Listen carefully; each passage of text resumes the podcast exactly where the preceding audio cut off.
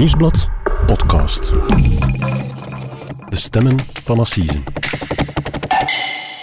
Mijn naam is Bert Heijvaart, reporter bij het Nieuwsblad. En ik ben Cedric Lagast, journalist bij diezelfde krant.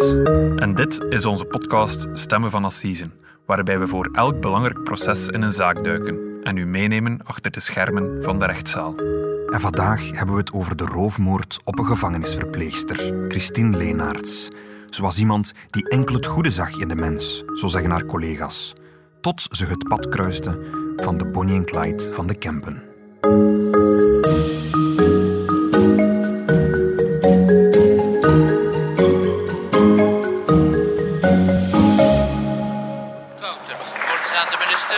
Meneer de voorzitter, beste collega's. Een verpleegkundige van mijn gevangeniswezen is vermoord. Er is niemand onder ons die dit gebeuren onverschillig laat. Ik zal mede namens u allen mijn warme deelneming betuigen aan de familie. Het moordonderzoek Dag Cedric. Dag Bert. Cedric, we horen hier een aangeslagen Koen Geens eh, Ja. in de Kamer in mei 2018. Ehm, Hij was toen minister van Justitie. Nu is dat uh, Vincent van Quickenborne, uiteraard. Dat klopt. En de zaak die we vandaag bespreken, die heeft dus wel wat politieke beroering veroorzaakt, hè, tot in het parlement toe. Dat klopt, Bert. Eh, we hebben het hier vandaag over de moord op iemand die in de Antwerpse gevangenis werkte, als een verpleegster. Iemand die ook vermoord is door twee ex-gevangenen. En ja, dat, dat veroorzaakte natuurlijk wat beroering, ook onder cipiers. Hè. Ze kende haar twee moordenaars eigenlijk door haar werk in de gevangenis. En eigenlijk hadden die twee niet vrij mogen zijn. Daarover Ja. ging het in het parlement. Ja, ja, heel wat dingen die niet hadden mogen gebeuren. Nu, daar komen we straks nog op terug, maar laat ons gewoon bij het begin beginnen. Hè. Goed Ehm, idee. Het begint eigenlijk allemaal met een ontvoering. Oké. twee moordenaars, ehm, Ashley van de Velde en Marco Laudet, zo heten ze, die staan voor assise terecht voor de roofmoord op Christine Leenaerts. en, en de zaak is eigenlijk aan het rollen gegaan met een vrij absurde scène eigenlijk. Het kan eigenlijk zo uit een film van Quentin Tarantino gekomen zijn. Je kent die films Ja. wel, zo'n beetje Ja, ja. filmpjes die er licht erover zijn, heel veel geweld ook. Dus wat gebeurt er? Dat koppel, Ashley van de Velde en Marco Laudet, op een dag stappen die binnen bij een autoverkoper. Samen met nog een derde persoon. Ah, waar blijkt is dat ergens, die autoverkoper? Waar situeert zich dat? In Olen. De Kempen. In. Olen, in de Ja. Kempen. Ja. En ze stappen binnen samen met nog een derde vrouw. Dat blijkt die Christine Leenaerts te zijn. En ze proberen een auto te verkopen. En dat is de auto van die Leenaerts. Dus dat is een heel rare situatie. Twee Ja. mensen die een auto verkopen van een derde persoon die zich zo wat afzijdig houdt. En die autoverkoper vindt dat al wat raar. Die Leenaerts die zegt niet veel. Tot hij plots naar haar kijkt en die andere twee niet goed opletten. En hij ziet hoe ze hem iets probeert te zeggen. Ze, ze beweegt zo haar lippen zonder dat er geluid uitkomt. Ze vormt zo woorden en hij kijkt goed en hij ziet dat ze zegt: Help mij, ik ben ontvoerd. Maar het haar komt er van recht op mijn armen. Dat is inderdaad een heel spannende scène, zoals dat je het beschrijft. Weten we hoe lang dat ze op dat moment al samen met Ashley van de Velde en eh, Marco Laudet op pad was? Maar het is ook een heel spannende scène. Het is ook gewoon heel, heel spannend voor, voor die Christine Leenaerts, want op dat moment wordt ze al drie dagen vastgehouden tegen haar wil. En, niet vastgehouden op één plek, want ze zijn eigenlijk bezig aan een soort van dollar roadtrip door heel de campen, van het ene appartement naar de volgende hotelkamer. En er is heel veel sprake van, van drugs en alcoholgebruik en cocaïne. En die, die verpleegster wordt overal mee naartoe gesleurd, die wordt vastgehouden op, op hotelkamers. En, en uiteindelijk proberen ze daar haar auto te verkopen om nog meer geld Om te, meer geld te krijgen. te Ja. krijgen met haar erbij. eigenlijk. Ja, ja, ja. En dus, ze staan daar in die garage. Wat doet die garageverkoper? Wat, wat doet die man? Ah, Maar die ziet dat en die, die belt de politie eigenlijk. Hmm. En, en die speelt het wel slim, want hij zegt aan dat koppel, ja, ik wil die auto wel kopen, maar ik, ik moet even naar de bank om cash geld af te halen. Weet je wat, kom vanavond eens terug, dan kan ik u betalen. Ja, ja. En als dat koppel naar buiten stapt, belt hij uiteindelijk direct naar de politie natuurlijk. Mhm. Maar die politie reageert niet zo bijster slim. Want wat doen ze? Ze weten dat die ontvoerders s'avonds gaan terugkeren en zetten een combi voor de deur van die garage. Ja, Dus oké. Als je daartoe komt Ja. als misdaadkoppel... Compleet met, blauwe streep, grote woord, politie erop, twee mannetjes in uniform die daar zitten. Dus als Lodin en Van de Velde die avond terugkeren om, om hun geld te gaan halen, zien ze die combi natuurlijk al van ver staan. En ze beseffen, het is voorbij, we zijn erbij. Ze slaan in paniek. En drie uur later is hun gijzelaar, Christine Leenaerts, dood. Cedric, dat is een waanzinnig verhaal. Hè? Uh, twee ex-gevangenen, Ashley van de Velde en Marco Laudet, een koppel. Uh, zij ontvoeren een vrouw, nemen haar twee, drie dagen overal mee naartoe en ze zien dat de politie hen op het spoor is en ze vermoorden Christine Leenaerts, een brave gevangenisverpleegster. Ja. De vraag is natuurlijk, hoe is die Christine Leenaerts ooit in die situatie verzeild geraakt? Wel, volgens haar collega's door haar goed hart. Ze was eigenlijk een 45-jarige alleenstaande vrouw uit Grobbenonk. Ze had geen kinderen, ze woonde alleen.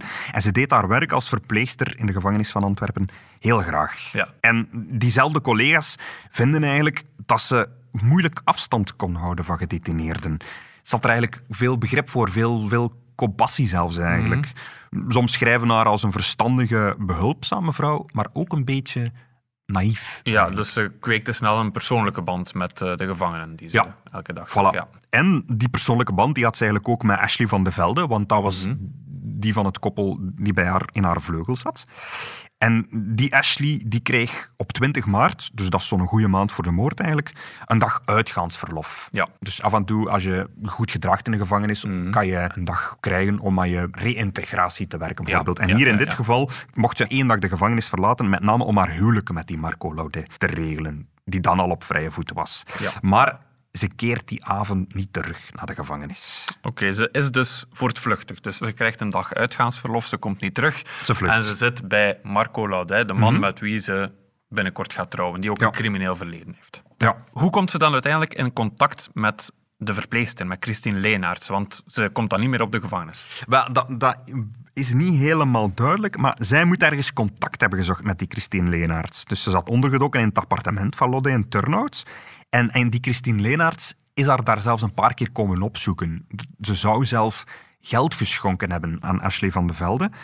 Eh, en vreemd genoeg vertelt Leenaerts dat niet aan de directie van de gevangenis. Dat ze eigenlijk weet waar de voortvluchtige Ashley zit. Dus ze doet daar eigenlijk wel iets fout. Ja, uh, Ashley van de Velde is voortvluchtig. Ze weet waar ze zit, maar ze vertelt dat niet aan de instanties. En, en, ze legt dat later ook zelfs nog een beetje uit eigenlijk. Want na een paar weken gaat Ashley van de Velde zelfs bij Christine Leenaerts inwonen. Oh, wat ja. al helemaal een brug te ver is, natuurlijk. En dat was eigenlijk omdat Ashley van de Velde ruzie had gekregen met, met Marco Laudet. Ze had klappen gekregen, ze kon nergens naartoe. Um, ze klopt bij die Christine Leenaerts aan. En, en later is er een Facebook-post opgedoken van Christine Leenaerts, waarin dat hij dat allemaal een beetje uitlegt. Ze zegt daarin... Natuurlijk had ik op dat moment de politie moeten bellen. Maar ik was zo verbouwereerd en geschrokken van dat telefoongesprekje, ja. dat ik in mijn auto sprong om haar te helpen.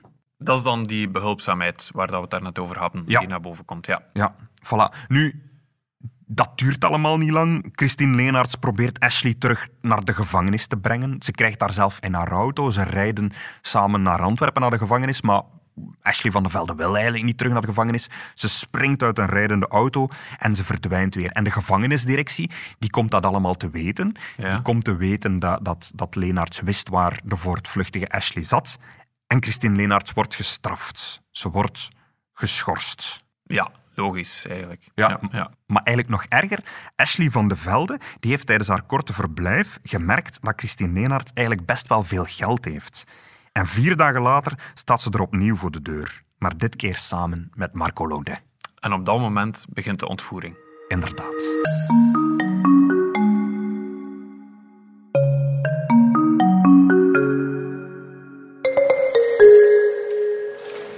Eén voor één brengt de politie de twee verdachten van de moord op gevangenisverpleegster Christine Leenaerts binnen. Ze moeten voor de onderzoeksrechter uitleggen wat er met haar gebeurd is. Ze werden al ondervraagd door de federale politie. Cedric, dit was een fragment van ATV uh, eh, over Marco Laudet en Ashley van de Velde. Twee ex-gedetineerden, een beetje de Bonnie en Clyde van de camp. Wie zijn ze? Dat zijn eigenlijk twee mensen met allebei een zwaar gevangenisverleden en een, en een lang strafblad. Marco Laudet dat is eigenlijk een West-Vlaming, is geboren in Oostende, maar hij verzeilt al op zijn elfde jeugdinstellingen. Gaat daar, gaat daar nooit eigenlijk echt weggeraken. Hij heeft nu geen contact niet meer met zijn familie. Ze willen zelfs niet komen getuigen op zijn proces. Het is iemand die eigenlijk zelden gewerkt heeft in zijn leven en vooral heel veel in de gevangenis heeft gezeten. Acht veroordelingen heeft hij op zijn strafblad wegens inbraken, geweld, drugs. En hij heeft zelf ooit gezegd dat hij uh, de geschiedenisboeken in zal gaan als de Belg die het langst in de cel heeft gezeten. Hmm, niet echt iets om trots op te zijn. Wel, het is maar te zien vanuit wiens standpunt je het bekijkt, Ja. denk ik. Uh, en opmerkelijk, hij heeft ook als geïnterneerde in de gevangenis gezeten. Ah, oké. De- dus je weet, ehm, een, een rechter kan eigenlijk oordelen dat iemand niet toerekeningsvatbaar is voor de misdaden die hij heeft gepleegd. En in 2002 heeft een rechter dat geoordeeld dat dat bij Marco Laudet zo was, omdat hij een gebrek aan impulscontrole zou hebben. En hij werd geïnterneerd, dat wil zeggen dat je eigenlijk in een psychiatrische vleugel wordt opgesloten tot je aan de betere hand bent. Dat is opvallend, want toen was hij zogezegd ontoerekeningsvatbaar. Vandaag staat hij als gewone crimineel terecht. Kan hij gewoon naar de gevangenis opnieuw gestuurd worden. Dat klopt. Waarom is dat eigenlijk? Wel, dat is een zeer goede vraag, Bert. En je zou kunnen vaststellen dat hij eigenlijk niet zo heel veel veranderd is. En dat ze in 2002 dachten dat er iets scheelde met hem en dat ze dat vandaag niet meer zo vinden. De wegen van justitie zijn ondergrondelijk. Yes. Ja, even over naar Ashley van de Velde, zijn partner in crime.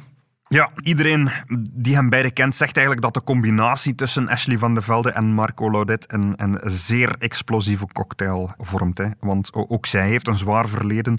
Ze is afkomstig uit Herental, ze heeft een weinig glamoureuze jeugd gekend. Haar ouders waren drugs en alcohol verslaafd. Gewelddadig ook. Ook zij belandt in instellingen en stroomt zo door naar de gevangenis. Ze heeft eh, twee kinderen en twaalf veroordelingen op haar strafblad staan. Allebei een zeer zwaar strafblad dus. Eh, waren ze eerder al voor dezelfde misdaden veroordeeld? Ja, en, en, en uit die veroordeling blijkt ook eh, dat ze die explosieve cocktail vormen. Hè. Want in oktober 2017, dat is, dat is eigenlijk maar een paar maanden voor de kidnapping, worden Laudet en Van de Velde samen veroordeeld omdat ze samen een zeer gewelddadige homejacking hebben gepleegd. En toen was het echt zoals in de films. Want je de film American History X? Ja, ja, ja. ja heel ik, speciale ja. film waarin dat Edward Norton zo'n beetje een neonazi speelt met zo'n grote swastika op zijn Ja. borst En getatoeëerd. die één befaamde scène die in je hoofd Ah, blijft. wel, die hele speciale scène waar ik altijd een beetje de kribbels van Ja. krijg als ik zo aan denk. En wel, die scène die willen ze eigenlijk naspelen. Dus ze dringen samen een huis binnen waar drie mensen zitten. Ze beroven die mensen. Er wordt geslagen met boksbeugels, met matrakken. Een van die mannen moet zich helemaal uitkleiden. En hij, hij moet zijn gebit op een tafelrand zetten, zoals in die film. En Laudet vraagt aan Ashley van de Velde, wat moet ik doen? En zij antwoordt, laat hem maar leven. Twee echt gevaarlijke criminelen dus. En zij hebben dus Christine Leenaerts gegijzeld. Waarom eigenlijk? Wel voor haar geld, hè. vooral om dag na dag eh, haar geld te kunnen binnenhalen. Want er staan natuurlijk limieten op, op, op wat ze met haar betaalkaart kan afhalen. De eerste dag kunnen ze nog zo'n 460 euro afhalen. En de tweede dag laten ze Leenaerts bij haar bank die limieten optrekken. En halen ze 14.370 euro op. Maar op dag drie is, is de vlucht voorbij, want ze worden ontdekt.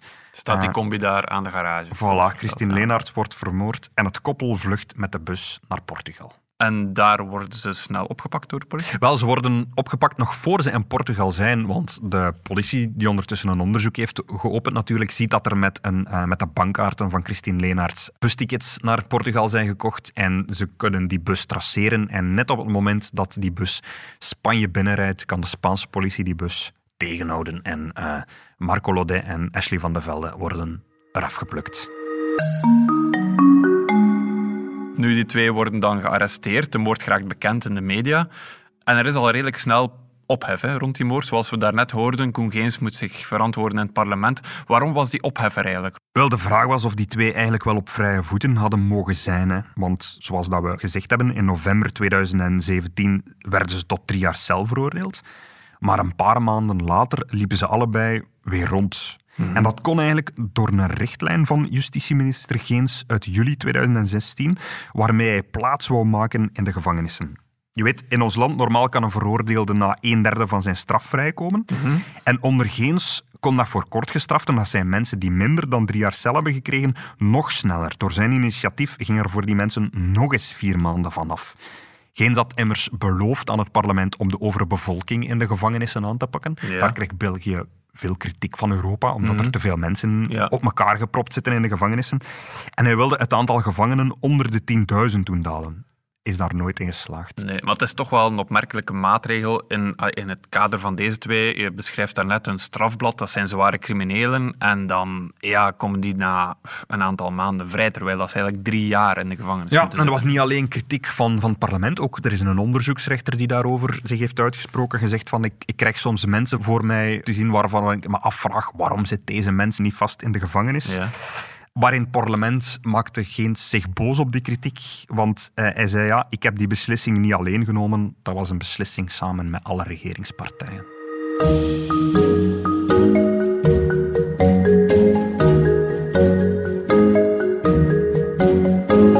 Hier langs het kanaal in Ole ontdekt een wandelaar het levenloze lichaam. Het ligt verstopt onder wat kreupelhout. Christine Leenaerts is op dat moment al enkele dagen vermist. Eh, De politie is dan verwittigd en ter plaatse gekomen en bleek dan inderdaad om eh, de vrouw te gaan die eh, sinds zondagavond spoorloos is. Een vrouw van 45 uit Grobbendonk. En de politie heeft dus onmiddellijk vastgesteld dat eh, de dame in kwestie overleden was. Het proces, Cedric. Eh, het proces dat maandag start, maandag 26 april. De belangrijke vraag zal daar vooral zijn, wie heeft Christine Leenaerts eigenlijk vermoord? Wie van de de twee? twee? Ja. Voilà. En wel, helemaal duidelijk is dat eigenlijk nog niet, want ze wijzen allebei naar elkaar. Volgens Laudet was het Ashley die besliste dat Christine Leenaerts dood moest. Zij zou de weg hebben gewezen, want hij is een West-Vlaming, zij woont daar in de Kempen, dus zij wist de weg naar een bosje waar dat gebeurd zou zijn. De twee vrouwen zaten op de achterbank van de auto. Hij zat vooraan op de bestuurderszetel en Ashley zou begonnen zijn met Leenaerts plots te wurgen. Dat is de versie van Ja, dat is zijn Ja. versie. Hij geeft alleen maar toe dat hij achteraf nog is uitgestapt en dat hij de greep op de hals van de verpleegster heeft overgenomen, maar dat ze op dat moment eigenlijk al dood was. En wat vertelt Van de Velde? Maar zij zegt eigenlijk het omgekeerde. Zij zegt dat Laudet van op de bestuurderszetel zich heeft omgedraaid en Christine Leenaerts heeft gewurgd, eh, omdat hij boos was. Boos omdat Leenaerts niet wilde zeggen waar ze haar kredietkaart had verstopt. En Van de Velde zelf zegt, ik heb niks gedaan. Ik zat erbij en ik keek ernaar. Dat is woord tegen woord. Zijn er aanwijzingen, bewijzen voor een van de twee versies? Wel, de onderzoekers weten eigenlijk dat Leenaerts gewurgd is met haar eigen beige trui. Dus ze had een beige Ja. trui aan en die is, is later rond haar hals teruggeknopt. Maar er zit DNA van hen allebei op die trui. Ze zeggen allebei dat ze zich niks meer van die trui kunnen herinneren. Ja, moeilijk geval. Ehm, op het proces zullen ze dus vooral de verantwoordelijkheid in elkaars schoenen proberen schuiven. Ehm, eh, ze zijn geen koppel niet meer, dan, als ik het goed begrijp. Maar nee, in het begin wel nog. Zelf in het begin van het onderzoek, toen ze elkaar aanwezen, waren ze nog altijd een koppel. Laudet zei wel dat hij zich gebruikt voelde door Van de Velde. Hij zei ook, ja, het is door haar schuld dat ik nu opnieuw in de gevangenis vloog. Maar de relatie heeft geen stand gehouden, zoals dat dan heet. Ashley van de Velde is zelfs ondertussen hertrouwd met iemand anders. Ook een gevangene die ze in de gevangenis heeft leren kennen.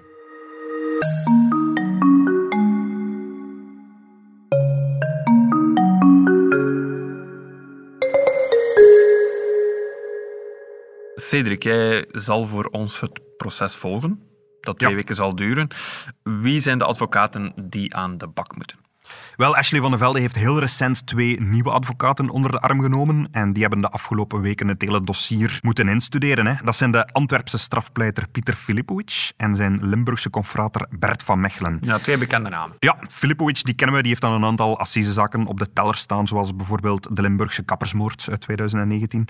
Hij is eigenlijk een ex-politieman. Hij werkte vroeger bij de politie en heeft zich omgeschoold tot strafpleiter. Dat is een opmerkelijke carrièrewending. Ja. Absoluut. En, en, en de man naast hem, Bert van Mechelen, die is eh, zo nodig nog opmerkelijker eigenlijk. Hem kennen we uit het eh, programma Strafpleiters, dat we Op vorig vier, jaar op, ja. op televisie Ja, zagen.